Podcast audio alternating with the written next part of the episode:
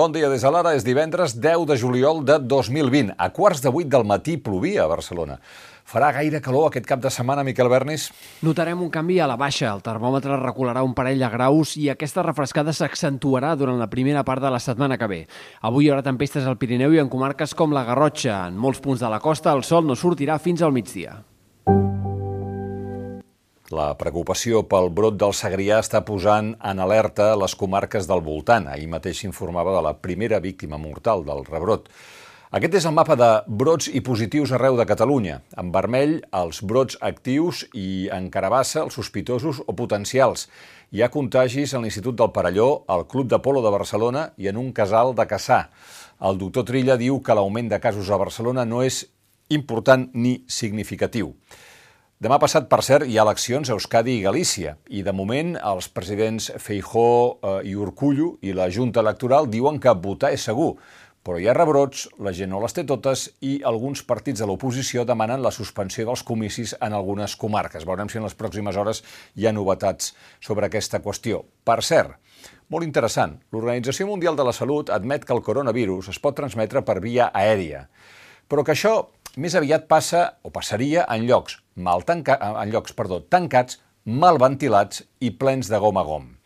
Els científics de l'OMS accepten aquesta possibilitat amb cautela, a l'espera de més evidències d'estudi, i, però això és molt, el més interessant, en aquest sentit, eh, diuen que el problema dels llocs mm, tancats, mal ventilats i amb molta gent parlant o cridant, el que fa és que eh, obliguen les persones a projectar més la veu i faciliten l'expulsió d'una quantitat més gran de partícules a l'aire. Per cert, sobre partícules a l'aire des de la boca o al nas, hi ha dubtes sobre les multes per no portar mascareta. Explica en Pau Esparc que la Generalitat va explicar que la multa seria de 100 euros per qui no en porti, però això últim no pot ser veritat, perquè la multa està basada en un reial decret que només es pot aplicar quan no es manté el metre i mig de distància. I el govern va dir que la mascareta és obligatòria tant si hi ha distància com si no n'hi ha. O sigui que aquesta multa dels 100 euros portarà cua.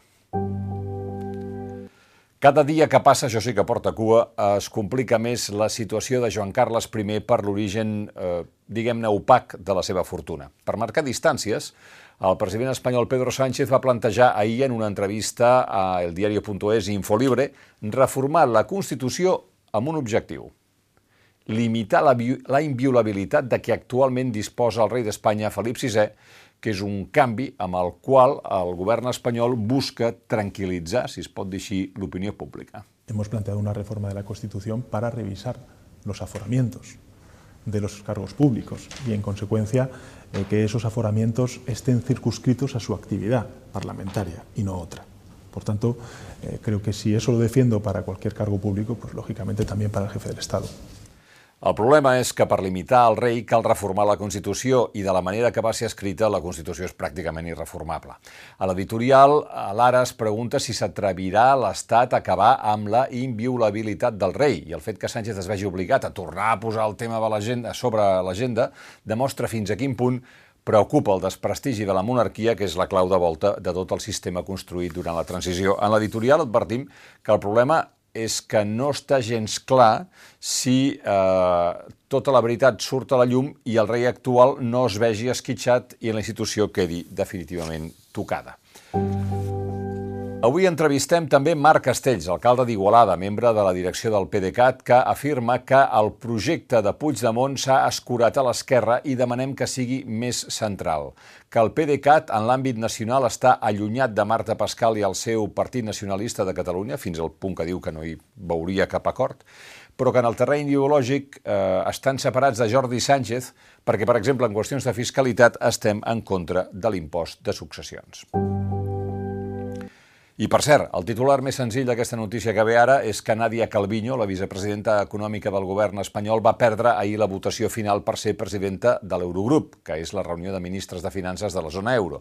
Però si voleu entendre els equilibris eh, que hi ha hagut darrere aquesta votació eh, i que hi ha a l'Europa comunitària, llegiu aquesta pàgina de la Júlia Manresa Nogueres des de Brussel·les, que explica que el nou president de l'Eurogrup, el ministre de Finances d'Irlanda, el que finalment va acabar guanyant la votació, és un amant davant de la rigidesa fiscal. De fet, amb ell de ministre, Irlanda s'ha sumat a l'anomenada Lliga Hanseàtica, que és l'agrupació de països petits del nord que lluiten per evitar una ampliació del pressupost comunitari i que suposen aprovar transferències de diners als països del sud, és a dir, nosaltres, si no van acompanyades de retallades pressupostàries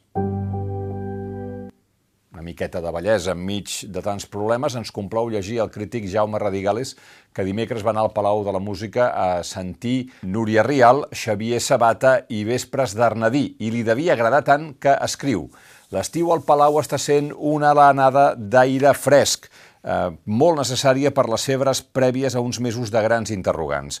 Necessitem més que mai els músics i ells ens necessiten a nosaltres de manera que l'assistència a bons concerts depassa les intencions estètiques per passar a ser, senzillament, opcions ètiques.